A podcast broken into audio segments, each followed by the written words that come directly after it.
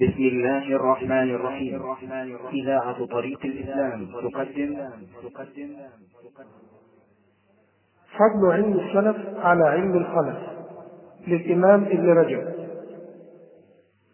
لفضيلة الشيخ. محمد صالح المنجد. فبين أيدينا في هذه الليلة رسالة لعلم من الأعلام الذين سبق التعريف بهم وهو العلامة زين الدين عبد الرحمن بن أحمد بن رجب بن الحسن بن محمد بن مسعود السلامي البغدادي الدمشقي الحنبلي المولود في بغداد سنة 736 للهجرة والمتوفى سنة 795 للهجرة. وعنوان هذه الرسالة عنوان مهم. ألا وهو بيان فضل علم السلف على علم الخلف. وهذه الرسالة من الرسائل التي تهم طالب العلم. كيف لا؟ وهي تبين الأولويات في طلب العلم ولمن وعمن يأخذ الإنسان وصفات العالم الذي يأخذ عنه. وإرشاد إلى ما يحفظ وقت طالب العلم لكي لا يضيع في أمور لا يستفيد منها أو تكون الفائدة قليلة. فقال رحمه الله تعالى في مطلع هذه الرسالة بسم الله الرحمن الرحيم الحمد لله رب العالمين وصلى الله على محمد وآله وصحبه أجمعين وسلم تسليما كثيرا. أما بعد فهذه كلمات مختصرة في معنى العلم وانقسامه إلى علم نافع وعلم غير نافع والتنبيه على فضل علم السلف على علم الخلف. فإذا الفهرس المبسط والمختصر لهذه الرسالة قد صدر بها كلامه رحمه الله. قال فنقول وبالله المستعان ولا حول ولا قوة إلا بالله. ثم بدأ يتكلم على تقسيم العلم إلى نافع وغير نافع أو أن الله سبحانه وتعالى مدح العلم في مواضع من كتابه وذمه في مواضع أخرى. فمن المواضع التي مدح فيها العلم وأهله قوله تعالى قل هل يستوي الذين يعلمون والذين لا يعلمون شهد الله أنه لا إله إلا هو والملائكة وأولو العلم أشهدهم على أعظم حقيقة أشهد نفسه وملائكته وأشهد هذه الطائفة وهم أهل العلم. على أعظم حقيقة وهي التوحيد لا إله إلا الله. وقل رب زدني علما وقوله سبحانه إنما يخشى الله من عباده العلماء. وكذلك لما مدح آدم بقوله أنه ذكر أنه علمه ثم عرض عليه ثم عرضهم على الملائكة فلم يعرفوا وقالوا سبحانك لا علم لنا إلا ما علمتنا إنك أنت العليم الحكيم. وكذلك لما قال موسى للخضر هل أتبعك على أن تعلمني مما علمت رشدا؟ وفي مواضع أخرى من كتابه العزيز أخبر سبحانه وتعالى عن قوم أوتوا علما ولم ينفعهم علمهم فقال مثل الذين حملوا التوراة ثم لم يحملوها كمثل الحمار يحمل أسفارا وقال أيضا واتل عليهم نبأ الذي آتيناه آياتنا فانسلخ منها فأتبعه الشيطان. فكان من الغاوين ولو شئنا لرفعناه بها ولكنه أخلد إلى الأرض واتبع هواه. وقال سبحانه وتعالى وأضله الله على علم إذا هذا العلم نافع لكن هؤلاء نماذج من الناس الذين لم ينتفعوا بالعلم النافع. عندهم علم نافع يحفظون علما لكن لا ينتفعون به لم ينتفعوا به. وهناك علم ذكره الله على جهة الذم إذا هناك علم ذكره الله على جهة المدح ومدح أهله. وذم بعضهم وهم الذين لم يعملوا به ولم ينتفعوا. وهناك علم مذموم في حد ذاته مذموم. كما قال عز وجل في السحر ويتعلمون ما يضرهم ولا ينفعهم ولقد علموا لمن اشتراه ما له في الآخرة من خلاق. وقال عز وجل فلما جاءتهم رسلهم بالبينات فرحوا بما عندهم من العلم. وماذا عندهم؟ ما يخالف النبوة والرسالة وحاق بهم ما كانوا به يستهزئون. ولذلك جاءت السنة في تقسيم العلم إلى علم نافع وعلم غير نافع. فهذا واضح من قوله صلى الله عليه وسلم اللهم إني أعوذ بك من علم لا ينفع إذا هناك علم ينفع وعلم لا ينفع فهو استعاذ من العلم الذي لا ينفع وكذلك فإنه صلى الله عليه وسلم قال في الحديث الصحيح أيضا اللهم إني أسألك علما نافعا وأعوذ بك من علم لا ينفع والحديث قد أخرجه ابن والآجري وهو إسناده حسن. فالعلم الذي يضر ولا ينفع جهل. والجهل به خير من العلم به. هذا العلم الذي لا ينفع أو العلم الضار الجهل به أفضل من تعلمه ولا شك. وإذا كان الجهل به أفضل فيكون هو شر من الجهل. يعني أن تجهل أحسن من أن تعلم هذا العلم مثل علم السحر مثلا وهو العلم الضار. وقد يكون الضرر في الدين وقد يكون في الدنيا. هناك آثار تنهى عن تعلم علم الأنساب وهناك وهناك أحاديث معروفة تحث على تعلم الأنساب مثل قوله صلى الله عليه وسلم تعلموا من أنسابكم ما تصلون به أرحامكم رواه الإمام أحمد وإسناده حسن. فالمقصود بتعلم الأنساب المفيدة في أشياء مثل صلة الأرحام. وتعلم الأنساب غير المفيدة ما يفضي مثلا إلى الفخر والخيلاء أو إضاعة الأوقات في تتبع السلالات وما شابه ذلك. فأما ما ينفع فيتعلم له ولذلك جاء في بعض الآثار تعلموا من أنسابكم ما تصلون به أرحامكم ثم انتهوا. وتعلموا من العربية ما تعرفون به كتاب الله ثم انتهوا. وتعلموا من النجوم ما تهتدون به في ظلمات البر والبحر ثم انتهوا. إذا في علوم مفيدة إلى حد معين إلى درجة معينة مفيدة. بعد ذلك يكون من صرف الوقت فيما لا يفيد. يكون ضياعا للوقت. وكان النخعي رحمه الله لا يرى بأسا أن يتعلم الرجل من النجوم ما يهتدي به. وجاء عن عمر رضي الله عنه أنه قال تعلموا من النجوم ما تعرفون به القبلة والطريق. لأن بعض النجوم مهم أن تعرفه كمسافر حتى لا تضل فتعرف الاتجاهات وكذلك كمصلي تحتاج إلى معرفة بعض مثل تعيين القطب الشمالي مثلا لتعيين القبلة. فمعرفة القطب الشمالي وأين يوجد القطب الشمالي وما هو شكله مثلا؟ وأن هذه العلامة مثل علامة الاستفهام أو الملعقة لو أخذت طرفيها أو جهة الرأس النجم الأول والثاني ثم مددت خطا بقدر ستة أمثال ما بين النجمين سيكون في اتجاه أو سيوصلك إلى النجم القطبي الشمالي مثلا. أو ما يسمونه بمجموعة الدب الأكبر والدب الأصغر للوصول إلى قضية تعيين القطب الشمالي هذا لا شك أن فيه فائدة.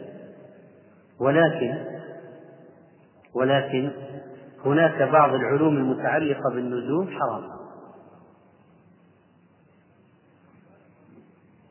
وقد قال طاووس رحمه الله رب ناظر في النجوم ومتعلم حروف أبيجاد ليس له عند الله خلاق. وهذا قد جاء أيضا عن ابن عباس رضي الله تعالى عنه وإسناده صحيح. فعلم النجوم يقسم العلماء إلى قسمين علم التأثير وعلم التسيير وعلم التسيير هذا الذي يتوصل به إلى معرفة الاتجاهات وهذا علم طيب. الله سبحانه وتعالى كما قال قتادة خلق الله النجوم لثلاث زينة للسماء ورجوما للشياطين وعلامات وبالنجم هم يهتدون. لتهتدوا بها في ظلمات البر والبحر.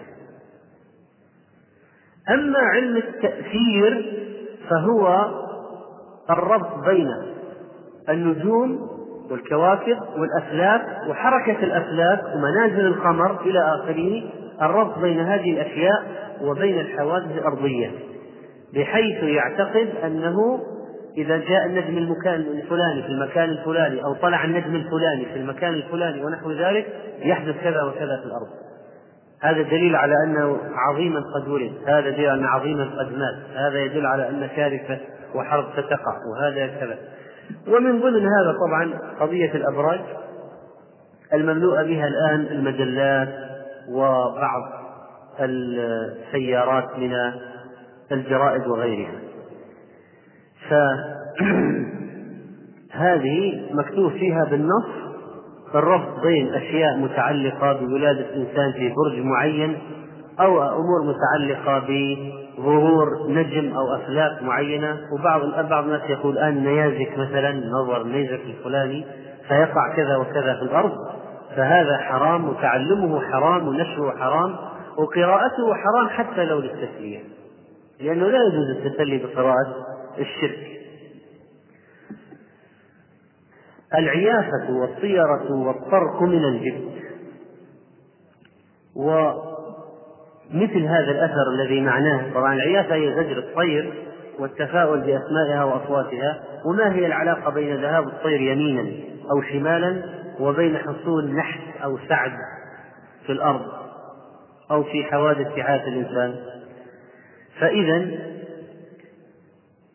تعلم مثل هذا والطرق الذي هو الضرب بالحصى أو الخط بالرمل أو ما يفعله بعض العجائز من رمي الودع ثم الاستدلال بشكل الودع الذي قد ألقي على الأرض على أمر معين في المستقبل مثلا أو حوادث معينة ذلك كله حرام وتعلمه حرام وتعلم علم الفلك من هذه الجهة أشياء متعلقة بالأفلاك من هذه الجهة حرام والعمل بمقتضاه كفر. فأما علم التسيير الذي يتعلم ويحتاج إليه الاهتداء ومعرفة القبلة والطرق فهو جائز عند الجمهور وما زاد فلا حاجة إليه. قد لا يكون كفرا ولا شركا مباح. لكن الزيادة مشغلة للوقت وصرف عما ينفع. ثم إن الإمام أحمد رحمه الله لفت النظر إلى مسألة وهي أن التدقيق في بعض ذلك ربما يؤدي إلى إساءة الظن بمحاريب المسلمين في أمصارهم مما يؤدي إلى اتهام أو اعتقاد خطأ الصحابة والتابعين في صلاتهم الفترة الماضية. ولذلك قال إنما ورد بين المشرق والمغرب قلة. وهذا نلاحظ أن بعض بعض الدكاترة أحيانا أو المتخصصين في في أمور معينة تتعلق بالفلك مثلا يأتي إلى المساجد مسجد قديم مثلا ويقول هذا فيه انحراف يعني ينبغي أن يحرف قليلا وكل صلاة الذين مضوا في المسجد خطأ كيف خطأ؟ هذا من عدم فقهه أصلا من صلى وهو يعتقد أن القبلة هكذا ولم يدري أن هذا أن اتجاهه خطأ فصلاته صحيحة. فيأتي ويقول هذه صلاة كلهم خطأ. ويغيرون الخطوط ويحدثون البلبلة عند الناس. وهذه مسألة مشاهدة واقعة. أما كوننا نستفيد من علم الحديث في ضبط قبلة المساجد حتى لو أشعة الليزر فلا بأس بذلك ما في مانع. لكن أن نعمل أشياء تؤدي إلى اتهام الأولين في صحة صلاتهم هذا غلو. وقد يكون في اشتغال في بعض هذه الأشياء فيه فساد عريض. طبعا لا شك أن هناك الآن كتب تطبع وتشترى وبعض الناس يسافرون يأتون بها. فيها تعليم السحر وتعليم الشعوذة. وهذه معروفة الله. تجد بعض الناس إذا بيشتري شمس المعارف يفتح ويطبق ثم تظهر له أفاعي ونحو ذلك ويقوم في الليل فزعا. فأنه بدأ في الطريق ثم لم يحسن وقد جيء إلى بعض الأخيار بفتاة ليقرأ عليها. فلما قرأ عليها وسألها عما بها قالت إنني اشتريت سافرت إلى البحرين واشتريت كتاب وطبقت ما فيه وبدأت الأشياء تتحرك. فأضع مثلا على المنضدة شيء وأقول كلمات التي في الكتاب فينحرف يمينا أو ينحرف شمالا. وهناك بعض الألعاب أيضا التي روجت فيها أشياء من هذا القبيل فيسألها لتجيب نعم أو لا. بعدما يقرأ أشياء ويتمتم بكلمات ونحو ذلك. فلما يعني الفتاة أسقط في يدها وندمت وبكت وقالت لكن المشكلة أنني علمت بنات الصف اليوم فالمهم أن هذا الضرب من الشعوذة وتحضير الجن والشياطين والكتب التي تتعلق بالسحر لا شك أنها من أخطر الأشياء ترويجها من أخطر الأشياء وهذه قضية قائمة موجودة في الواقع.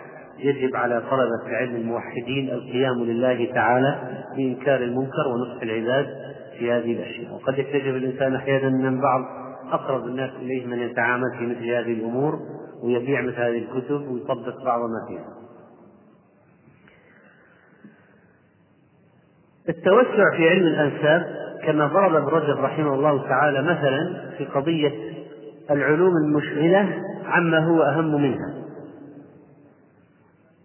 لكن لكن إذا كان منها فائدة فتتعلم. أحيانا يكون منها فيها فوائد. مثلا حسان بن ثابت لما أراد أن يهجو المشركين النبي صلى الله عليه وسلم سأله كيف سيخلص نسبه من بينهم؟ حتى لا يهجوهم هجاء يشمل النبي عليه الصلاة والسلام؟ فأبو بكر الصديق نسابة العرب تولى تعليم حسان في قضية الأنساب دقائق هذا بحيث أنه قال أسلك كما تسل الشعر من العجين يخلصه من بينهم في أثناء كلامه لا يشمله في شعره لا يشمله فيكون الهجاء لهم دونه وهذا يحتاج إلى شيء من العلم بالأنساب فما يح... فما إذا كان هناك حاجة له في... فيتعلم ثم بعض العلوم فرض كفاية. أعلى ما أن تكون فرض كفاية إذا عرفها بعض الأمة يكفي. ما في داعي أن يتعلم. كل طالب علم يقول نقول تعال تعلم هذا العلم. لا هذا خطأ. كل طالب علم يضع في برنامجه وجدوله طلب العلم أن يتعلم مثل هذا. غير صحيح. يكفي أن يوجد في الأمة من يعلم عند الحاجة يدل عليه. ويأتي بالمقصود. كذلك مسألة التوسع في علم في علم العربية لغة ونحوا بما يشغل عن علم الأهم. طبعا الآن طرح الكلام هذا عند طلبة العلم ينبغي أن يؤخذ بحجمه الصحيح حتى لا ينفرون من اللغة العربية مع أنهم من أضعف ما يكون في اللغة العربية على مر العصور إذا قارنت بالعصور السابقة. الآن في ضعف واضح جدا في اللغة العربية. فما وصلنا إلى درجة أن عموم طلبة العلم قد أتقنوا اللغة العربية وبدأوا يتبحرون وصرنا نخشى عليهم من التوسع والانشغال عن الأهم وعن الفقه والحلال والحرام ونحو ذلك فنقول لهم كفوا. لا. لكن يوجد بعض الناس عندهم حب للغة العربية بحيث أنهم ينصرفون إلى تعلم دقائق هذا اللغة بما يصرفهم عن الأهم. وتعلم الحلال والحرام والتفسير والحديث ومعاني السنة مثلا. هذا موجود. تجد دستور نحوي كبير لغوي لكن في الفقه وفي الحديث والتفسير ضعيف بسبب أنه انصرف بكليته إلى هذا العلم ولذلك هذا علم يؤخذ منه بقدر ما يفهم به القرآن والسنة فقط ما هو المطلوب من اللغة العربية؟ أن نفهم القرآن والسنة بواسطتها ولذلك كره أحمد التوسع في معرفة اللغة وغريبها وأنكر على أبي عبيد توسعه في ذلك وقال هو يشغل عما أهم عما هو أهم منه. وتجد في بعض الكتب مثلا تقرأ الكلام بالطول وبالعرض وبالزاوية وبالمقلوب. ما هذا؟ يعني هذا هذا النوع من صرف الوقت فيه لا شك أنه مضي على الوقت. الذي فعل هذا والذي يهتم به والذي يريد أن يؤلف على منواله في أشياء. وكل كلمتين الكلمة الثالثة كذا وكل ثلاثة الكلمة الرابعة كذا. هذا قد يكون صرف عمره في شيء لكن ما هي الفائدة؟ قال ولهذا يقال إن العربية في الكلام كالملح في الطعام يعني أنه يؤخذ منها ما يصلح الكلام. فإذا زاد الملح في الطعام أفسده. كما يؤخذ من الملح ما يصلح الطعام وما زاد على ذلك فإنه يفسده. وكذلك علم الحساب يحتاج منه إلى ما يعرف به حساب ما يقع من قسمة الفرائض والوصايا والأموال التي تقسم بين المستحقين لها. والزائد على ذلك مما لا ينتفع به إلا في مجرد رياضة الأذهان لا حاجة إليه ويشغل عما هو أهم منه. طبعا في عصر رحمه الله يعني في الغالب علم الرياضيات يفيد في هذه الأشياء هذه استخداماتها. فالكسور مثلا معرفة الكسور وتوحيد المقامات هذه مهمة في في علم المواريث. يعني لا بد أن تعرف. والثلث والربع والسدس والثلثان والثمن. الكسور الأنصبة التي جاءت في المواريث. طيب لو قيل لو اكتشفنا لعلم الرياضيات تطبيقات معاصرة مفيدة في, الأمور الدنيوية مثلا فهل نأخذ بها ونتعلمه؟ الجواب نعم الآن مثلا من أهم الأشياء حتى لو أردت الجهاد في سبيل الله مثلا المعادلات التي تنبني عليها قضية المقذوفات ومعرفة الإحداثيات والطلاق الخبيثة وعندما تذهب بهذا الشكل القوسي إلى المكان هذه مسألة مهمة جدا يجب أن يجب أن تعرف. هذه لها لها ارتباط. ارتباط واضح بقضية تفيد وتفيد وتنفع المسلمين. وهناك أشياء في نحو مثلا الطب. رياضيات لها بعض التطبيقات مثلا الطبية مثلا المعادلات التفاضلية لها علاقة بالتكاثر مثلا تكاثر السكان أو تكاثر البكتيريا أو انتشار مرض الإيدز مثلا أو تلوث مياه البحر. هذه كلها قائمة انتشار التلوث انتشار البكتيريا على معادلات رياضية. كذلك أشعة الرنين المغناطيسي مثلا للتصوير المقطعي ثلاثي الأبعاد. فلا هذا قائم على متسلسلات أو مثل مسلسلات فوريير في الرياضيات مثلا اللي قائمة على نظرية التكامل والتفاضل والتكامل وذهاب الأشعة وانطلاقها وتشعبها أو تفرقها وتشتتها. استخدام الرياضيات لعمل شفرات المعلومات التي تقي البريد الإلكتروني والمعلومات التي تذهب في البريد الإلكتروني. لا شك أن هذا المسلمين لما اخترعوا المسلمون عندما اخترعوا الصفر وكان غير معروف من قبلهم اخترعوا هذه الكمية كان ذلك اختراعا عظيما أدى إلى تطور كبير في العلوم. لكن هناك بعض الأشياء حتى في بعض علوم الرياضيات والأشياء والطبيعيات التي تدرس غير مفيدة بل إنها مشغلة وأقصى ما فيها لذة الذهن أحيانا. بعض الأشياء متعلقة أحيانا بالعدد والزمرة والوحدة والفئات الخالية والإغراق في نظريات المجموعات والمنطق المشوش. هذه الأشياء موجودة في في الرياضيات الآن. لكن دراستها لم يظهر فيها أشياء مفيدة. فدراستها والإغراق فيها هذا عبارة عن ضياع وقت. فعلى أي حال قد يقول ابن رجب رحمه الله كلام في الرياضيات أو في الحساب من قديم على أشياء معروفة في زمنهم. الآن الأمور اختلفت. فنقول نحن في زمننا ما كان مفيدا منها يدرس وما لا فائدة فيه لا يدرس. إضاعة وقت لكن أحيانا الشخص قد يكون مكرها لأن المنهج واحد والامتحان سيأتي على جميع المنهج. وأنت مطالب أن تدرس المنهج بما فيه مفيد أو غير مفيد. وهنا لابد أن يكون المدرس حكيما مسؤولا عن مثلا التركيز على ما ينفع وعدم وعدم تشتيت أوقات الطلاب والحفظ في أمور لا تفيد. وبعض الناس كما قلنا يدرسون العلم للعلم وليس العلم للمفيد أو للاستفادة من العلم ويقولون العلم للعلم ثقافة للثقافة. وهذا شعار جاهلي هذا ليس شعارا إسلاميا إطلاقا. ولذلك الغربيون يدرسون كل شيء عندهم كل شيء كل جانب من جوانب نقول علوم المعرفة هذا جانب مقدس يجب أن يدرس طيب قد لا يكون لا يكون مفيدا. إيش الفائدة واحد يأخذ دكتوراه في اللغة الهيروغليفية ولا لغة اندثرت من زمان ما عاد أحد يستعملها الآن مثلا. ليكتشف بعض بعض الأشياء التي يعملونها في علم الآثار علوم الآثار. يأتي يذهب وتركز الأضواء والأنوار والأشياء على استخراج شيء يؤخذ بعناية ويلف ويجعل له مواد تنظيف في النهاية ما هو النتيجة؟ صنم. صنم. استخرجوا صنم. واكتشاف كبير وهائل ونشرات وإعلانات وأشياء سبق علمي سبق في استخراج صنم. صنم. هذا أول شيء ينبغي أن يكسر أول شيء ينبغي أن يكسر ما هذه التماثيل التي ولكن يعني علم هذا علم.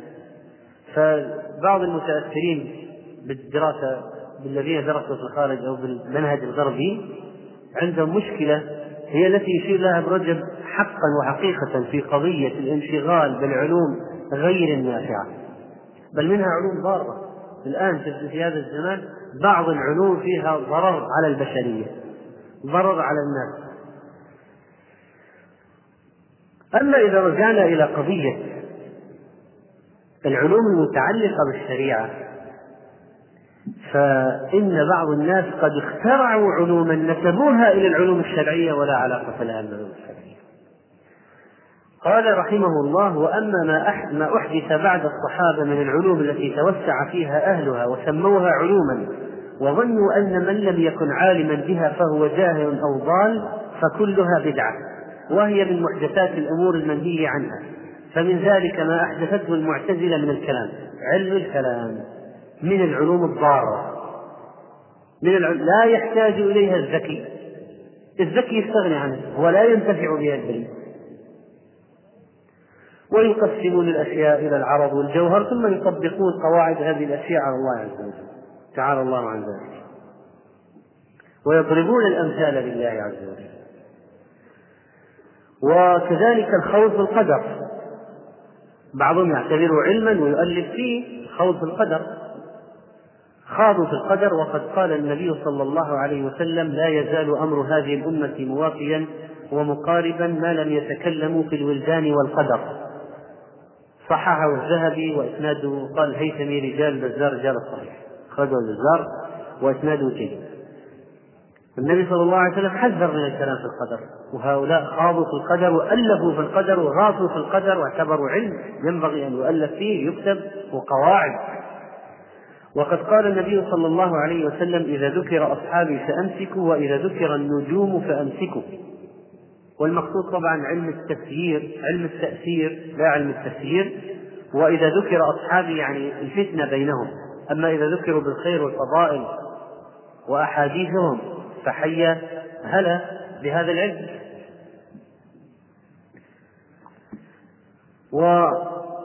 ومع الأسف أن علم الفلسفة وعلم الكلام وقواعد المنطق يدرس في بعض الكليات الكليات الدينية أو الشرعية في بعض أنحاء العالم الإسلامي على أنه علم على أنه علم. مقدمة في علم المنطق وعلم المنطق وقواعد علم المنطق وتصرف فيه أوقات. وما في في كتاب الله وسنة النبي صلى الله عليه وسلم علم المنطق. ولا تحتاج إلى التقسيم إلى جوهر وعرض. والجوهر لا يقوم العرض لا يقوم بذاته ولا بد أن يقوم العرض بجوهر والكلام الفارغ الذي لا يحتاج إلى هذا.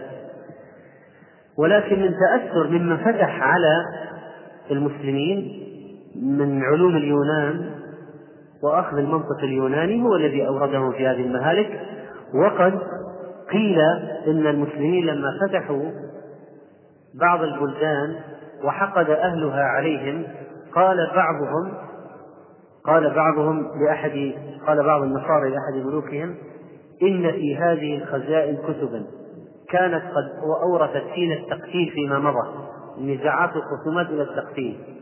فإنك لو أرسلتها إلى المسلمين قالوا ذلك جمعناها وأغلقناها. لو فتحتها وأرسلتها تكون فيهم النكاية. ففعل ذلك.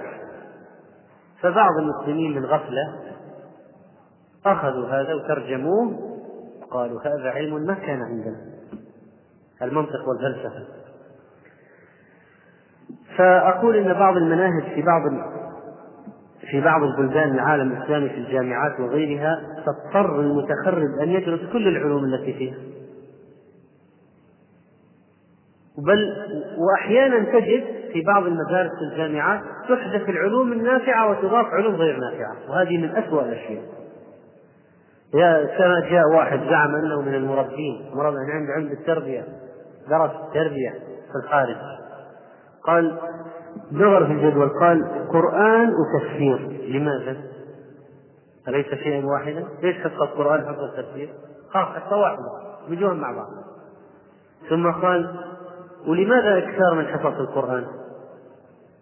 الصحابة شوف هذا الكلام الحق الذي يراد به باطل قال ابن عمر كان يقول ما كنا نتجاوز عشر آيات حتى نتعلمها ونعمل بما فيها.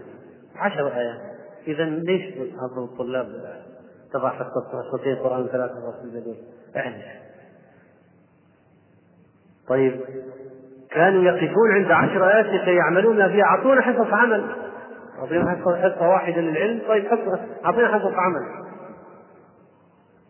وماذا كانت حياته موقوفة إلا على العلم. تعلم القرآن والعمل به وأنت تريد فقط تتعلم عشر آيات سنة وبدون شيء آخر غير حفظ عشر هذه فإذا مثل هؤلاء الذين يريدون تنشية العلوم الشرعية النافعة ووضع العلوم غير النافعة أو الخطط التي أريد بها محو العلم الديني كما فعل كرومر والدنلب وغيره في مخططاته في العالم الإسلامي حتى أصبحت عقول الجيل إطارات دنلب فارغة من الداخل بسبب هذا. ومثل مثل ما تكلم العلماء في خطة تطوير الأزهر أو بالأحرى تطوير الأزهر هذه الحقيقة. حذف حذف أشياء أو حذف مدة معينة ينبغي أن يدرسها الطالب وبالتالي يخرج تكوينه ضعيفا والعلوم التي كانت تدرس تذهب عنه. فنحن مأساتنا ما بين حذف العلوم الدينية تقرير علوم غير نافعة تقصير مدة التعليم الديني ولا يخفاكم ما يكون من أعداء الله عز وجل من العلمانيين الذين يشنون في بعض بلدان المسلمين الحرب على التعليم الديني باعتباره هو سبب التطرف فلا بد من إزالته ومحوه بالكلية قال رحمه الله والنهي عن الخوض بالقدر يكون على وجوه. منها ضرب كتاب الله بعضه ببعض فينزع المثبت للقدر بآية والنافي له بأخرى ثم يتجادلان فيخوضان فيه. والخوض في القدر إثباتا ونفيا بالأقيسة العقلية. كقول القدرية قالوا إذا قدر وقضى ثم عذب كان ظالما. هذا هذه قالوا استنبطوها من عقولهم. وبعضهم قال في الطرف المقابل إن الله جبر العباد على كذا وكذا. وهذا كله انحراف وبدعة وخروج عن عما أراد الله سبحانه وتعالى. وأيضا يدخل في العلوم المحرمة الخوض في سر القدر. الخوض في سر القدر. ومنها الخوض في ذات الله وكيفية صفاته سبحانه وتعالى. وهذا أشد خطرا من الكلام في القدر. لماذا؟ لأن الكلام في القدر هو كلام في أفعال الله. والكلام في كيفية الصفات هو كلام في ذات الله. ولا شك أن الانحراف في الكلام في ذاته أشنع من انحراف الكلام في أفعاله فالذين يريدون أن يخوضوا في ذات الله وكيفية الصفة هؤلاء يخوضون بالباطل وهذا شيء محرم ولا يعتبر علما هذا باطل لأنه لا يمكن للإنسان أن يتخيل ولا أن يعرف كيفية صفات الله عز وجل. لكنه يجب أن يؤمن بالصفة كما جاءت وهو يعلم معناها في اللغة ويعلم معنى اليد ويعلم معنى الوجه في اللغة. ثم يثبته لله عز وجل يثبت الوجه لله عز وجل كما يليق بجلاله وعظمته. وصار الانحراف أن بعض الناس نفوا أشياء كثيرة مما ورد في القرآن والسنة لاستلزامه التشبيه عندهم بالمخلوقين. مثل قول المعتزلة مثلا نفوا الرؤية قالوا الله لا يرى. لماذا؟ قالوا هنا يبدأ لأنه لو رؤي لكان جسما والله منزه عن أن يكون جسما إذا لا يكون. وهل وجدت في الكتاب والسنة أن الله جسم أو غير جسم؟ فلماذا نتكلم؟ وجدت أن الله يرى. وجوه يومئذ ناظرة إلى ربها ناظرة. على الأرائك ينظرون. إلى ربها ناظرة. تنفي هذه الآية وتجحد هذه الآية. وتكذب بهذه الآية لأجل قاعدة عقلية عندك أن ما رؤي لا بد أن يكون جسما وأن الله ينزه عن الجسمية فإذا هو لا يرى فهذه هذا العلم الضار الذي يسبب إذهاب العلم النافع والكفر بما أنزل الله سبحانه وتعالى. وفي الطرف الآخر هناك من غال في الإثبات أكثر من مما ورد. مما جاء في الكتاب والسنة فأثبتوا لله أشياء ما ثبتت في الكتاب والسنة. فغالوا فيه. وكذلك من العلوم أيضا التي نبه ابن رجب رحمه الله على إحداثات فيها قال ما أحدثه فقهاء أهل الرأي من ضوابط وقواعد عقلية وردوا فروع الفقه إليها. سواء خالفت السنن أو وافقت السنن. طيب أنتم وضعتم قاعدة عقلية ثم حكمتم النصوص أرجعتموها بناء إليها والفروع الفقه بناء إليها. طيب قد يأتي استثناء. الآن السنة فيها استثناءات مثلا بعض أنواع التحريم اللحوم المحرمة ما عرفناها إلا من السنة. لو أنت قلت مثلا كل آكل العشب مباح. طيب ما رأيك بالحمار؟ يأكل العشب. ليش حرام؟ ما حكمه؟ يقول على قاعدته هو حلال. حلال. طيب ورد في السنة تحريمه الحمار الأهلي بخلاف الحمار الوحشي. أو لو جاء واحد قال ما قال كله حمير. طيب نقول تريد أن تكون منهم. فتريد أن تسوي بين ما فرق الشارع. فالشارع فرق بين الحمار الأهلي والحمار الوحشي لابد أن تفرق بينهما. فأما أن تجمع بين ما فرقه الشارع وتفرق ما بين ما جمعه الشارع وحده على أشياء عندك فبعض لماذا قال علي بن طالب رضي الله عنه لو كان الدين بالرأي لكان مسح باطن الخف أولى من أعلى؟ ما هو كل الأحكام تجري على على عقولنا. الضبع قد أبيح في السنة. مع أن له انياب لكن مباح في السنة. ما ينتهي. خلاص نتوقف ما دام قد ثبتت إباحته نتوقف وهذا ما دام قد ثبتت قد ثبت تحريم لحم الحمار الأهلي نؤمن به ونسلم. فإذا بعض فقهاء أهل الرأي كان من خطئهم أنهم وضعوا ضوابط وقواعد عقلية ردوا فروع الفقه إليها غير آذهين إلى أن هل وافقت السنة أو ما وافقت السنة. أما الأئمة وفقهاء أهل الحديث فإنهم يتبعون الحديث الصحيح حيث كان. إذا كان معمولا به عند الصحابة ومن بعدهم فإنهم يعملون به. وأما ما لم يعملوا به فإنه لم يعمل به الصحابة فإنهم لا يعملون به لأنهم بالتأكيد أنه عندهم عنده عندهم إما منسوخ لكن لكن ما عرفنا نحن أنه منسوخ ونحو ذلك. فإذا القاعدة هي العمل بالحديث الصحيح ما دام الصحابة قد عملوا به. وهذا ينفي لك الأحاديث الشاذة التي قد يظن بعض الناس أنها صحيحة وهي ليست كذلك. هناك قسم من الأحاديث الشاذة إسناده صحيح. إذا نظرت الإسناد صحيح. لكنه حديث شاذ.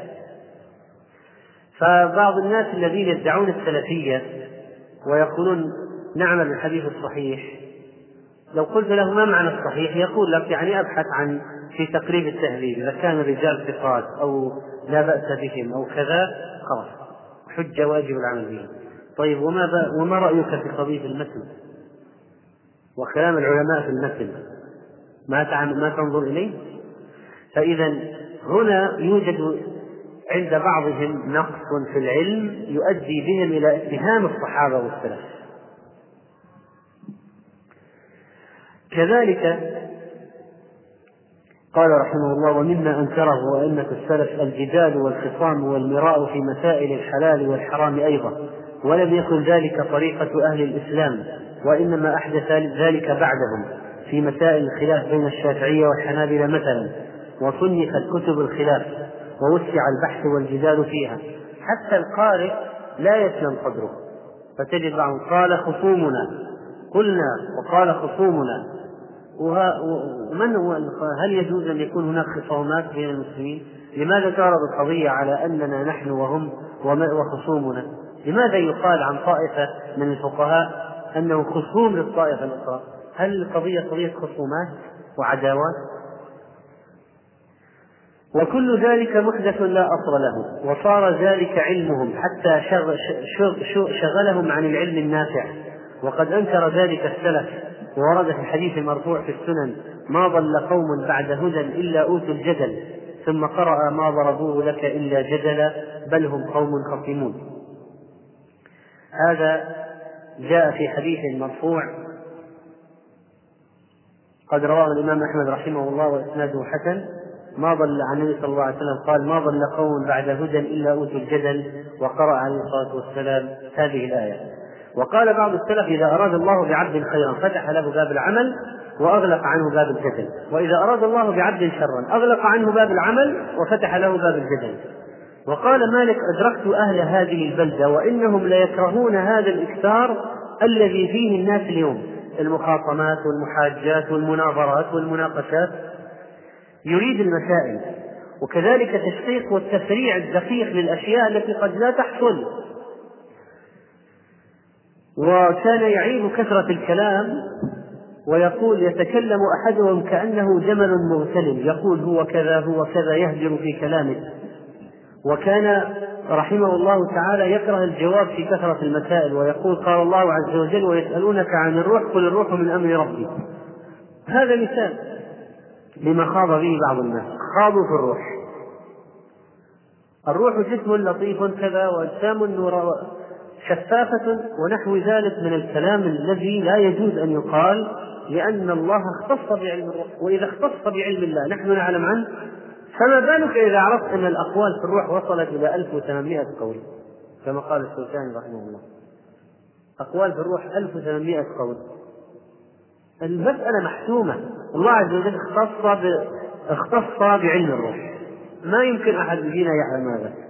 يسألونك عن الروح قل الروح من أمر ربي فلو جاء واحد مثلا قال الآن من علم الحديث يعني مثلا واحد باع ذهب الخارج قال والله عندنا علم جديد فتحنا له كلية. ما هو؟ قال علم الروح.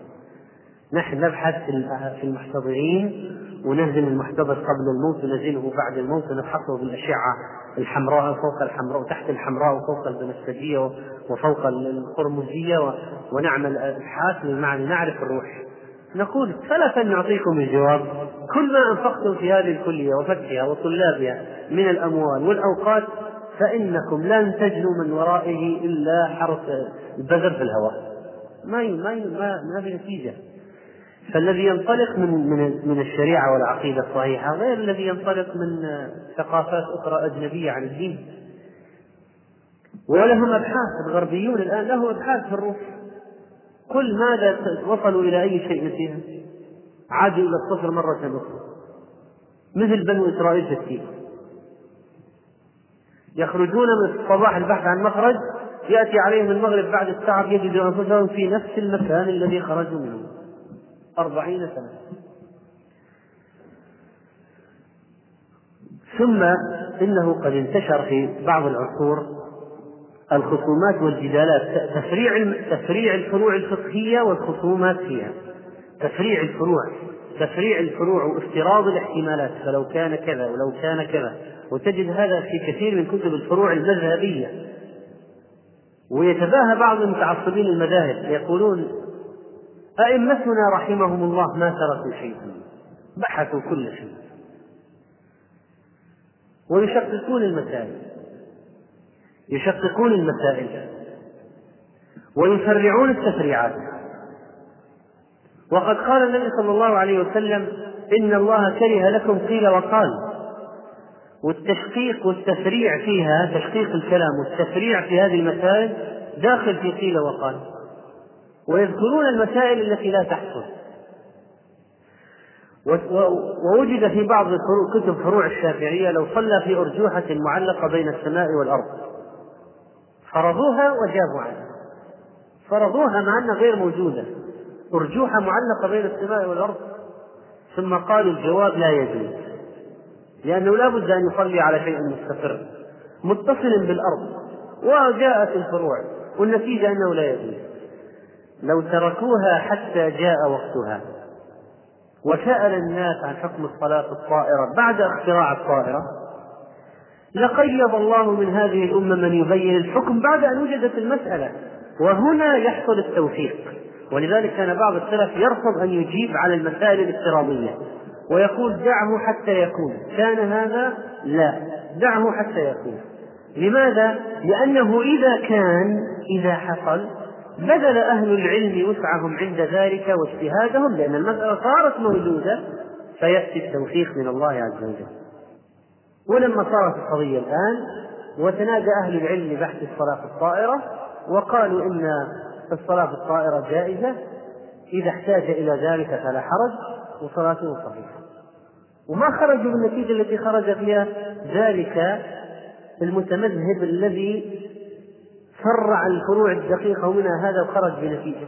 على مسألة افتراضية لم تكن واقعة.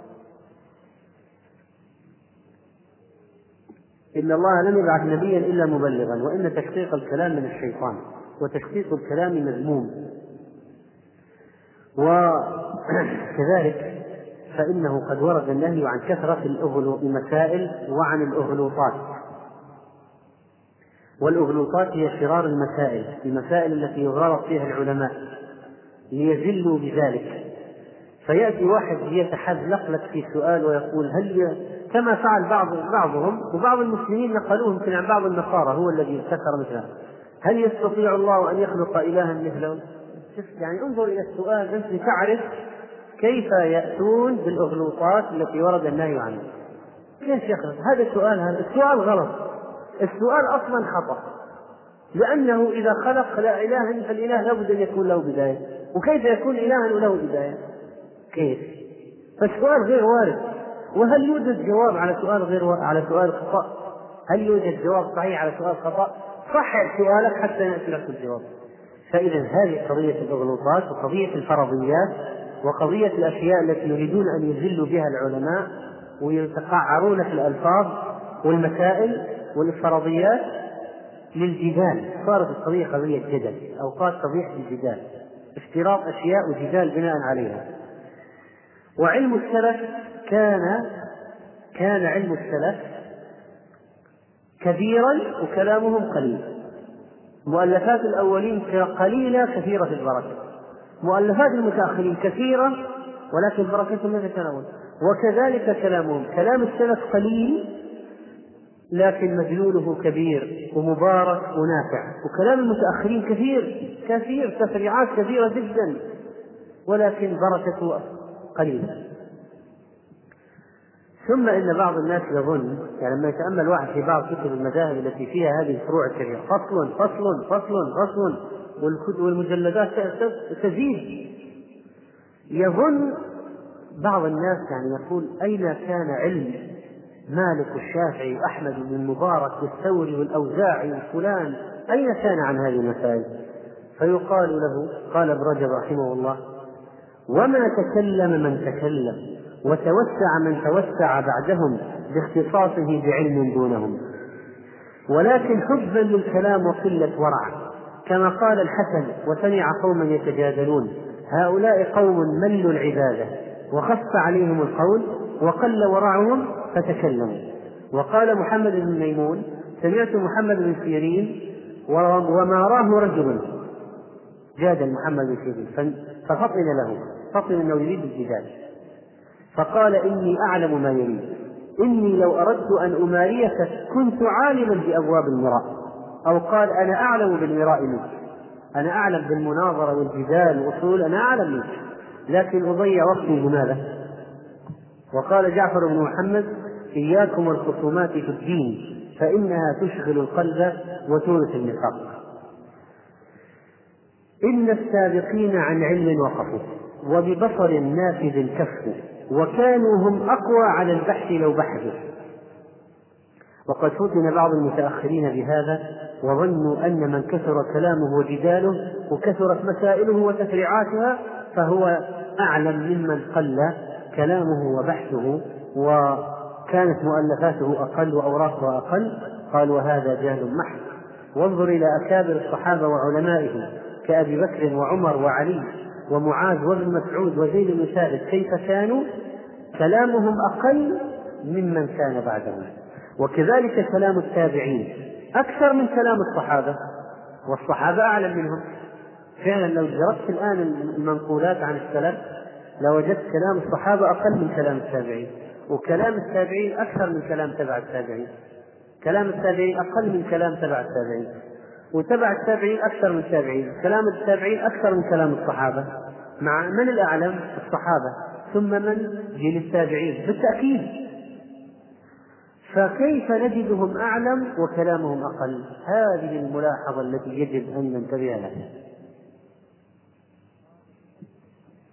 قال فليس العلم بكثرة الرواية ولا بكثرة المقال ولكن نور يقذف في القلب يفهم به العبد الحق ويميز به بينه وبين الباطل ويعبر عن ذلك بعبارات وجيزة محصلة للمقاصد. وقد كان النبي صلى الله عليه وسلم أوتي جوامع الكلم واختصر له الكلام اختصار. فإذا تجد الآن في بعض المسائل حتى لو جد مسألة فقهية قد تجد عن ابن مسعود كلمة أو كلمتين جملة سطر وتجد في كلام بعض المتأخرين صفحات وأبحاث طويلة جدا جدا. من الذي كلامه أكثر بركة؟ أصوب وأنفع. كلام الصحابي مع قلته ووجازته. ولذلك العلم ليس بكثرة تسويد الصفحات ولا بكثرة الآراء ولا بكثرة الأقوال لكنه نور يقذفه الله في قلب العالم الذي الذي يسير على يمشي على الكتاب والسنة فيأتي لك بالحكم. فيجب أن يعتقد أنه ليس كل من كثر بسطه للقول وكلامه في العلم كان أعلم ممن ليس كذلك. وقد ابتلينا بجهلة من الناس يعتقدون في بعض من توسع في القول من المتأخرين أنه أعلم ممن تقدم. فمنهم من يظن في شخص أنه أعلم من كل من تقدم من الصحابة ومن بعدهم لكثرة بيانه ومقاله. ومنهم من يقول هو أعلم من الفقهاء المشهورين ويقول فلان هذا من المتأخرين أعلم من المذاهب من من أصحاب المذاهب الأربعة. أعلم من الشافعي وأحمد ومالك. لا. لا يمكن أن يكون هذا. طيب. لكن هنا نقطة مهمة وهي أن المسألة قد لا تكون وجدت أسبابها في عهد الصحابة أو التابعين. وجدت أسبابها في عهد الإمام أحمد مثلا. تكلم فيها الإمام أحمد ما وجدنا فيها كلام الصحابة. لماذا؟ لأن لم تكن في عهده مثلا خلق القرآن. هل تجد فيه كلام الصحابة موسع؟ إطلاقا. ولماذا تكلم الإمام أحمد إذا ومن معه فرد على المعتزلة؟ لأن المشكلة نشأت في عصره. فإذا عندما تدعو الحاجة إلى الكلام والرد على أهل البدع نرد. نقول الآن الكلام في قضية الصحابة. إذا كان عندك الوسط سليم والناس صدورهم سليمة وقضايا الصحابة غير مثارة والفتن التي بينهم غير مذكورة ومنتشرة هل تتكلم عن الفتن التي حصلت بينهم وتتوسع فيها وتنشرها بين العامة؟ خطأ لأن الواحد يكون صدره سليم فيصبح صدره غير سليم مثال واقعي واحد ذكر قال طلعت أشرطة عن فتنة بين الصحابة وسمعها وقال والله أنا محمد بكر الصديق هذا إنسان مجرم سفاك وظالم وباغي ما كان يعرف محمد يمكن ما سمع بمحمد بن أبي بكر إطلاقا. الآن لما سمع الكلام قال هذا كذا وكذا. كانت صدورهم سليمة صارت. بسبب بسبب فتح موضوع لا توجد أسبابها أو الحاجة لفتحه. لكن من أثيرت عنده القضية. جلس مع واحد من أهل الرفض من أهل البدعة فأثار عنده أشياء كثيرة. وهذا مسكين هذا الذي يعطى كتاب العواصم بالقواصم أو كتاب أو شيء يسمعه يفيده أو يعالج ما يكون أو ما حصل عنده في في هذه المسألة. فإذا المسألة مهمة جدا عدم إثارة الشيء إلا والكلام فيه إلا بعد وجود أسبابه. لأنك تتكلم. مثلا ترى الآن نتكلم. مثلا قضية خلق القرآن غير مثارة ما رأيكم الآن نخطب خطبة ودرس ودروس سلسلة في على العامة في قضية خلق القرآن؟ ونورد أقوال المعتزلة ثم الرد عليها. هل هذا فإذا المسألة أصول ومنطلقات وثوابت. الذي يفهم طريقة السلف لا يزيغ. لا في الكلام ولا في توقيت طرح الكلام. وأما الذي ليس عنده علم بذلك فهو يقرأ خط عشواء الموضوع جذاب الموضوع خطفي الموضوع كذا هذا يمشي بين الناس.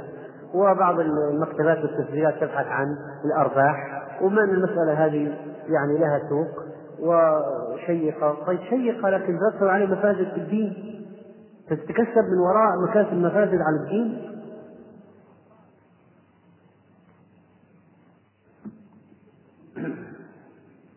وقد صدق ابن مسعود رضي الله عنه لما قال في الصحابة إنهم أبر الأمة قلوبا وأعمقها علوما وأقلها تكلفا.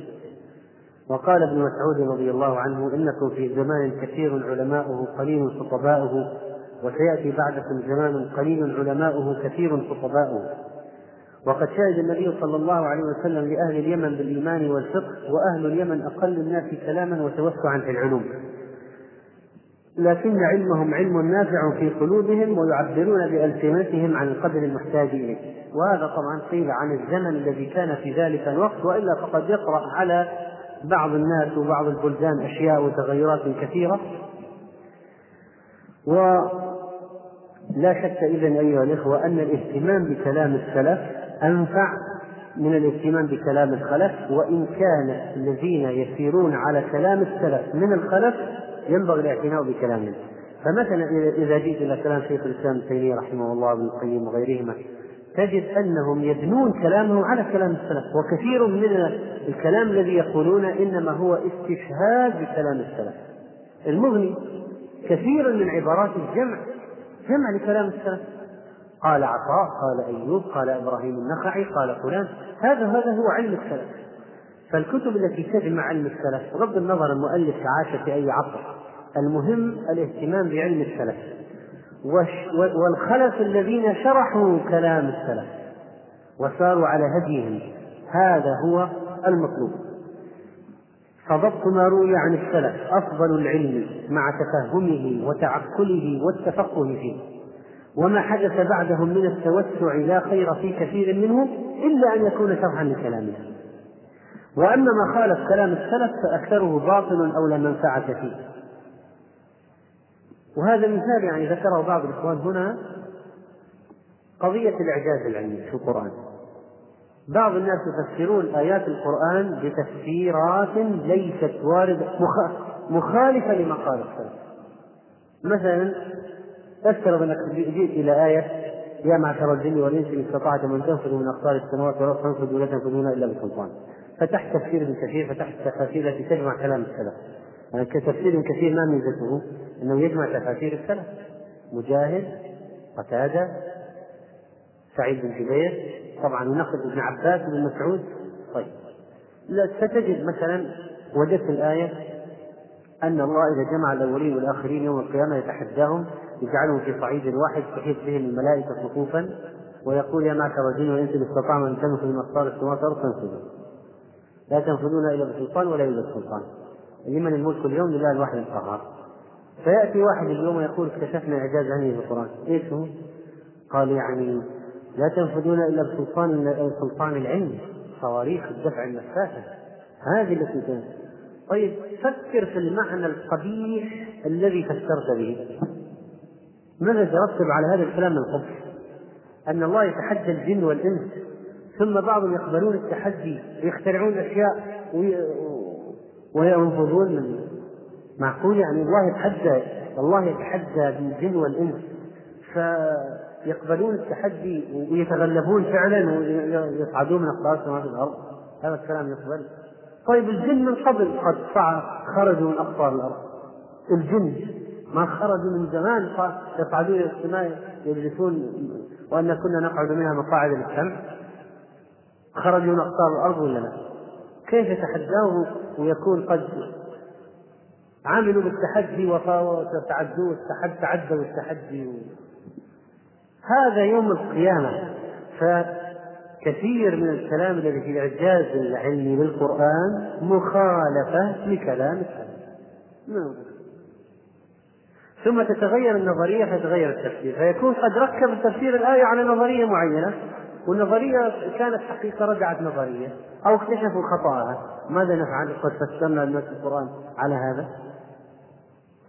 فأما أن يقال شيئا يوافق كلام السلف. ما يخالف كلام السلف؟ يعني افترض أنهم قالوا مثلا اكتشفنا أن القمر انشق قبل 1400 سنة. وجدنا أبحاث وأشياء افترضنا يعني. أنهم قالوا وجدنا القمر انشق قبل 1400 سنة. هل في شيء جديد؟ لا. زادون شيئا جديدا؟ لا. خرجوا عن كلام السلف؟ لا. ما في مشكلة. لكن يأتي واحد يحدث قولا جديدا يحدث قولا جديدا ويخالف السلف ويقول أنا توصلت إلى ذلك. يخالف السلف فاعلم أنه لا خير فيه.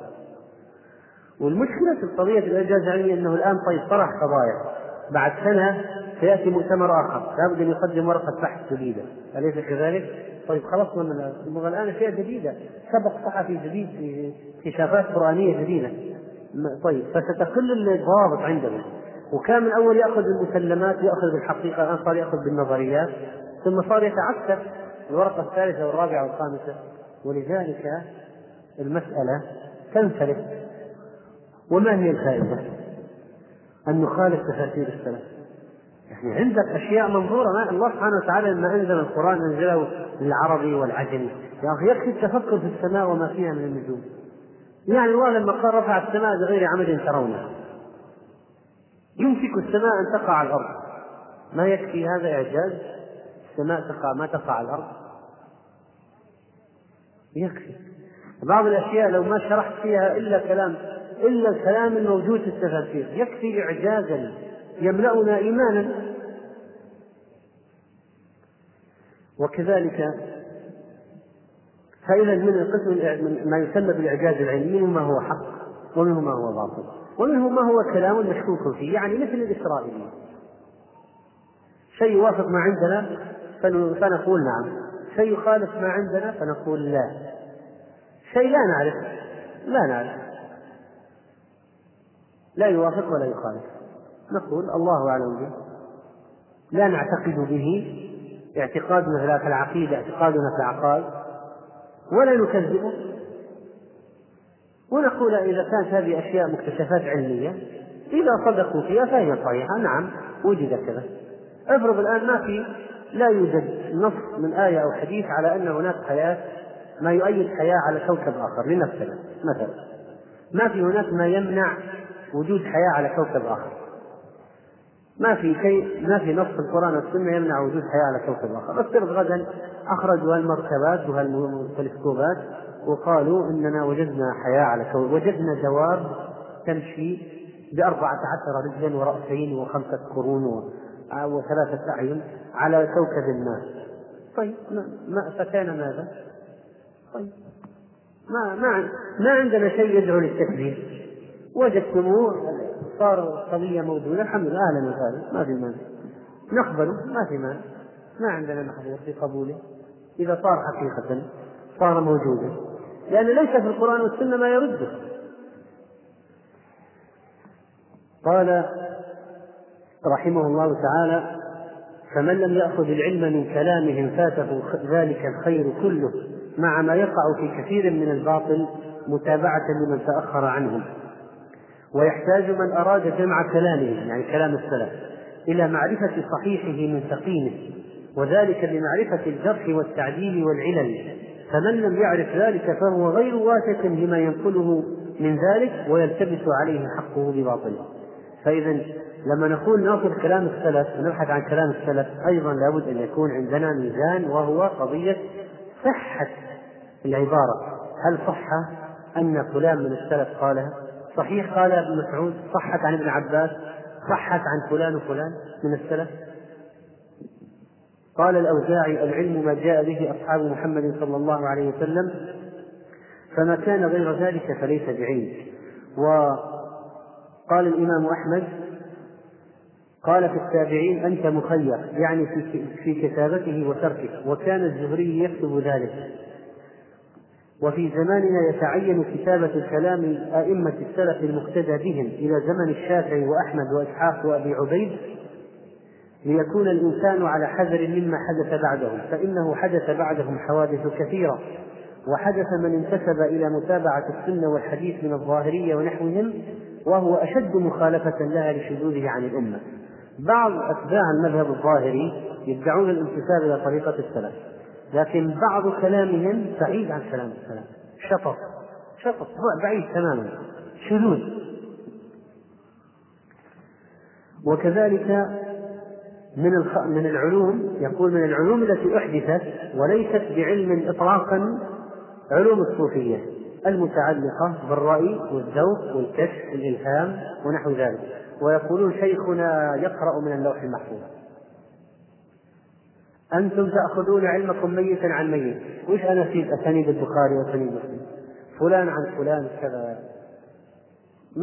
عبد الرزاق عن معمر عن الزهري عن عروة عن عائشة كلهم ماتوا. وشيخ نحن نأخذ عن الحي الذي لا يموت. صوفية حدثني قلبي عن ربي هذا هذا. وهذه علومهم مدونة. علوم الصوفية مدونة فيها كتب. طيب. هذه قضية. مثلا الكشف. يقول كشف الله له الحجب وأستار السماوات فنظر إلى طوبى ومكتوب عند العرش كذا وقرأ العبارة الفلانية. شيخهم قرأ العبارة الفلانية. ثم الإلهام ألهمني ألهمني كذا. طيب الكشف والذوق طيب ثم الرؤى. الرؤى من مصادر العلم عند الصوفية من مصادر العلم. ولذلك قال ابن عربي هذا الملحد الأفاك الذي له قبر يزار ويحج إليه الشام يقول فرب حديث صحيح. شوف صحيح سندا صحيح في البخاري. يرى الولي النبي عليه الصلاة والسلام في المنام فيقول له لم أقله. ورب حديث غير صحيح يعني في السند سند ضعيف أو موضوع يرى فيه الولي النبي صلى الله عليه وسلم فيقول هو من كلامي وأنا قلته. خلاص بالطريقة هذه ضاع ضاع عن الحديث تماما لأن المسألة صارت القضية على المنام. إذا في المنام قاله قال قلته فقد قاله. وإذا قال ما قلته فمعناها ما قاله حتى لو في البخاري. ضاعت الأصول ولذلك الأئمة الذين ينسب ينسب المتصوفون إليهم كلامهم بعضهم من أهل الحق ومن أهل السنة ولو رأيت كلامهم لناقض ما عليه أهل ما عليه أهل التصوف هؤلاء الضلال. قال الجنيد علمنا هذا مقيد بالكتاب والسنة. من لم يقرأ القرآن ويكتب الحديث لا يقتدى به في علمنا هذا. وصار قضية الآن الكشف وقضية الذوق ونحوها دخل فيها من الزنادقة. حركة الزندقة استغلت التصوف. ودخل ودخلت فيه وكان من كانوا من أشد الناس بلاء على أهل الإسلام وأذى للمسلمين. ثم أدت القضية بهم إلى الوقوع في الحلول والاتحاد ووحدة الوجود حتى أن شيخ الإسلام لما ناقشهم قال النصارى خير منكم النصارى يقولون إن الله حل في عيسى في واحد. وأنتم تقولون الله حل في كل شيء ولذلك يقولون وما الكلب والخنزير إلا إلهنا وما الله إلا راهب في كنيسته. يقول الله في كل مكان وين الله في كل مكان في البداء أي نعم. فرعون كان على حق لما قال أنا ربكم الأعلى لكن موسى استعجل وانكر عليه. هكذا قال. ثم لما ناظر بعض اليهود الذين أسلموا يهودي قبل أن يسلم ناظر ابن تيمية حكى كلامه. حكى كلامه. قال حكى لي عبد السيد فلان من اليهود قبل أن يسلم. قال إنه ناظر واحدا من هؤلاء الضلال الصوفية. فقال له ما تقول في كذا في في الله؟ المهم قال له كل شيء حتى ترى وكلام فرعون صحيح لما قال أنا ربكم الأعلى. فقال له اليهودي قال فرعون كلامه أصح من كلام موسى. وفرعون غرق ومات وموسى نجاه الله فأنا مع موسى. فبهت الصوفي هذا الملحد بهت. ماذا يقول له؟ يقول أن موسى انتصر على فرعون. إذا كان فرعون كلامه أصح أنا مع من انتصر. أنا مع موسى. قال رحمه الله وغير ذلك من أصول الكفر والفسوق والعصيان كدعوى الإباحة وحل محظورات الشرائع وأدخلوا في هذا الطريق أشياء كثيرة ليست من الدين. فبعضهم زعموا يعني هؤلاء الصوفية أنه يحصل به ترقيق القلوب كالغناء والرقص.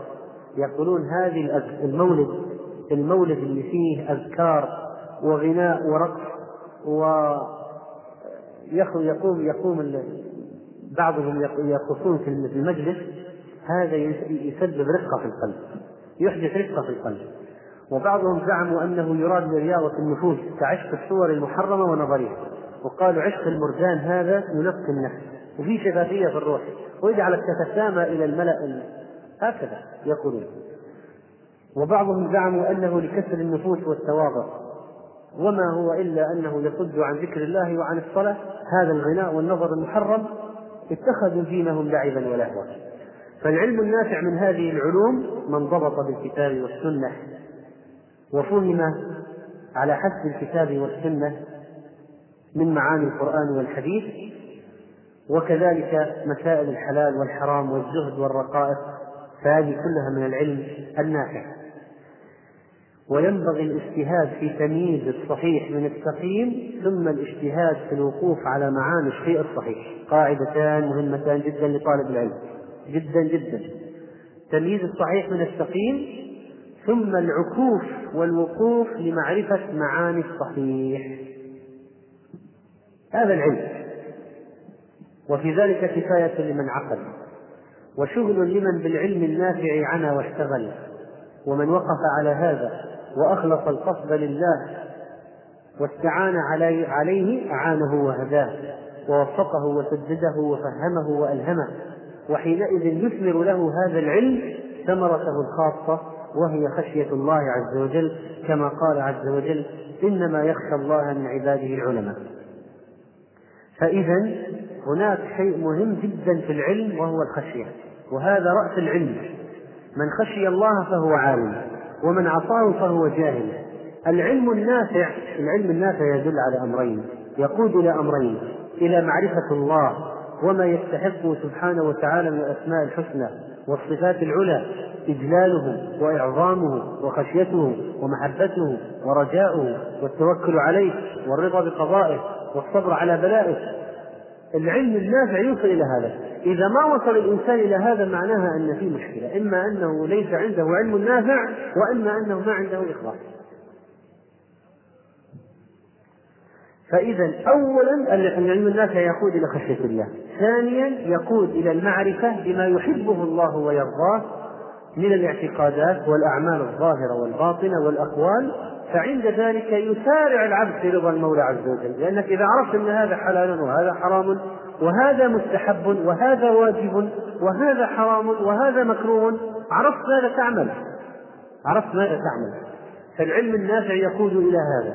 فإذا إنساق العبد إلى هذا. كان العلم نافعا ووقر في القلب وخشع قلبه لله وانكسر له وذل له هيبة وإجلالا وخشية ومحبة وتعظيما. وعند ذلك تقنع النفس باليسير من الحلال وتشبع به فتزهد في الدنيا. وكل ما هو كان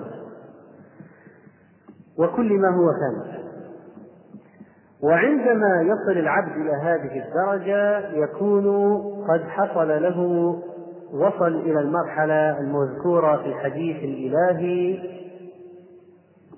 في العلاقة الخاصة بين العبد وربه. ما هي العلاقة الخاصة؟ لئن سألني لأعطينه ولئن استعاذني لأعيذنه هذه العلاقة الخاصة. احفظ الله تجده أمامك. تعرف إلى الله في الرخاء يعرفك في الشدة هذه المعرفة الخاصة والعلاقة الخاصة بين العبد والرب. فيستأنس العبد بذكر ربه في خلوته ويجد حلاوة لذكره ودعائه ومناجاته وعبادته ويستوي عنده سره وعلانيته ويجد حلاوة الطاعة. فمتى وجد العبد هذا عرف أنه قد وصل حصل المقصود. ولذلك قال قال بعض من الفضيل يذكره أما بينك وبين ربك ما إذا دعوته أجابك؟ هل علاقتك بالله وصلت لدرجة أنك إذا دعوت الله أجابك؟ فغشي عليه. فالعبد لا يزال يقع في شدائد وكرب في الدنيا وفي البرزخ وفي الموقف لاحظ ليست قضية فقط في الدنيا ليست قضية فقط في الدنيا يقع في كرب في البرزخ وفي الآخرة يقع في كرب. فإذا كان بينه وبين الله علاقة خاصة كفاه الله ذلك. كربات الدنيا والبرزخ والآخرة. وهذا المشار إليه بوصية ابن عباس في وصية النبي صلى الله عليه وسلم لابن عباس تعرف إلى الله في الرخاء يعرفك في الشدة. وبعض الناس يظن يعني يعرف في الشدة يعني إذا غرقت في بحر ولا صرت في في اضطرار وفقر. لا ليس هذا فقط. يعرفك في الشدة حتى في القبر. في شدائد البرزخ وفي شدائد الآخرة في شدائد المحشر. يعرفك في الشدة. فالعلم النافع ما عرف به العبد ربه واستدل عليه وأنس به واستحيا منه واقترب إليه وخشع له هذا علم بحد ذاته ولذلك جاء في الأثر أول ما يرفع أول علم يرفع من الناس الخشوع. أول علم يرفع من الناس الخشوع. قال الحسن رحمه الله العلم علمان فعلم على اللسان فذاك حجة الله على ابن آدم. أنت تتكلم به فإذا ما طبقت حج عليك وعلم في القلب فذاك العلم النافع. وكان السلف يقولون العلماء ثلاثة. عالم بالله عالم بأمر الله. يعني يخشى الله يعرف الله ويعرف أحكام الله. وعالم بالله ليس بعالم بأمره. واحد يخشى الله لكن ما يعلم بالحلال والحرام والأحكام. وعالم بأمر الله ليس بعالم بالله. يعني يعرف الأحكام والفقه لكن خشية لا يوجد. تقوى غير موجود. وهذا خطير جدا. هذا خطير جدا. لأنه هذا الصنف الذي يضل الناس. هذا الذي يضل الناس. الذي عنده علم وما عنده تقوى. فيستعمل ما عنده من العلم في إضلال الخلق. ويلقي عليهم الشبهات والأشياء يحرفهم بها. إن أخوف ما أخاف على أمة الأئمة المضلين. أما الذي عنده لا علم بالله ولا بأمر الله فهذا كالحمار لا يحمل أسفارا ليس عنده شيء. فالشأن كل الشأن في أن يعرف العبد ربه ويعلم أمره ونهيه. وكان الإمام أحمد رحمه الله يقول عن يقول أصل العلم خشية الله. أصل العلم العلم بالله. هذا العلم الذي إذا قاد إذا العلم النافع يقود إلى خشية الله عز وجل. هذا هو العلم الحقيقي. أما إذا كان الواحد لاحظ أن علمه يتعلمه ليماري به العلماء ويجادلهم ويجاريهم في الكلام يعني أنه يعرف ما بعض ما عنده يجاري به العلماء ويماري به السفهاء ويصرف به وجوه الناس إليه ويريد به شرفا ومنصبا وذكرا وثناء. فهذا من أول خلق الله الذين تسعر بهم النار يوم القيامة. أول خلق الله الذين تسعر بهم النار يوم القيامة. ثم إن ابن رجب رحمه الله في نهاية رسالته شرع يذكر علامات تدل على صاحب العلم النافع. ما هي علاماته؟ ما هي أوصافه؟ قال من علامات ذلك قبول الحق والانقياد له. فإذا كان ما يقبل الحق ولا ينقاد له ويتكبر ويصر على الباطل فهذا علمه ليس بعلم نافع. وكذلك إذا كان بعيدا عن الرياء لا يريد ثناء الناس ولا الرفعة بينهم فهذا مخلص وعلمه نافع. فإذا كان يقبل المدح ويستجلبه فمعنى ذلك أنه علم أن علمه لم ينفعه. فالصادق يخاف النفاق على نفسه ويخشى من سوء الخاتمة. فلهذا كان من علامات أهل العلم النافع أنهم لا يرون لأنفسهم مقاما ويكرهون بقلوبهم التزكية والمدح ولا يتكبرون على أحد لا يحسدون من فوقهم ولا يسخرون ممن دونهم ولا يأخذون على علمهم أجرا هذه من علاماتهم ومن علاماتهم أنهم كلما ازدادوا في هذا العلم ازدادوا لله تواضعا ومن علاماتهم أنهم يهربون من الدنيا ومن الرئاسة والشهرة والمدح ويتباعدون عن ذلك.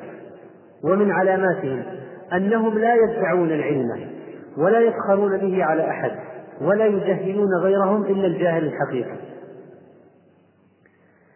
وكذلك فإنهم يتواضعون لمن سبقهم من أهل العلم ولا يخطئون السلف ولا يعتدون على السلف. الآن العقلانيين الطائفة العقلانية الموجودة الآن يعتدون على السلف ويجهلون السلف ويقولون علمنا أشياء لم يعلمها السلف وأين كان السلف عن كلامنا ونحو ذلك؟ فهذا احترام السلف ومدح السلف وعدم الكلام في السلف من القرون الثلاثة المفضلة الأولى هذا من علامات أهل العلم النافع. لما سئل أبو حنيفة عن علقمة والأسود أيهما أفضل؟ وعلقمة والأسود من كبار السلف. قال والله ما نحن بأهل أن نذكرهم فكيف نفضل بينهم؟ يعني أنا أستحي أن آتي باسمه على لساني من علو منزلته وأنني دونه. أستحي أذكر اسمه فقط. كيف أفضل بينهم؟ لا تعرضن لذكرنا في ذكرهم ليس الصحيح إذا مشى كالمقعد. لا تقارن بينه وبين السلف لا تقارن بيننا وبينه ليس الصحيح إذا إذا مشى كالمقعد. فيعني شبه السلف بالصحيح وهو شبه نفسه بالمقعد. ومن علمه غير نافع يرى لنفسه فضلا على السلف وأنه فاقهم وأنه أتى بكلام خفي عليهم ونحو ذلك.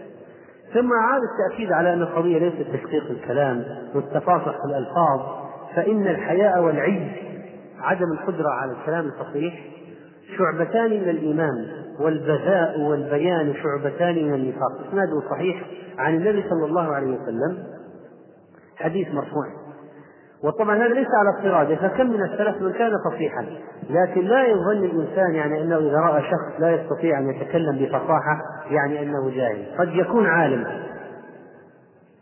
يعني خذوا مثال يا إخوان الآن مثلا الشيخ عبد العزيز مثلا.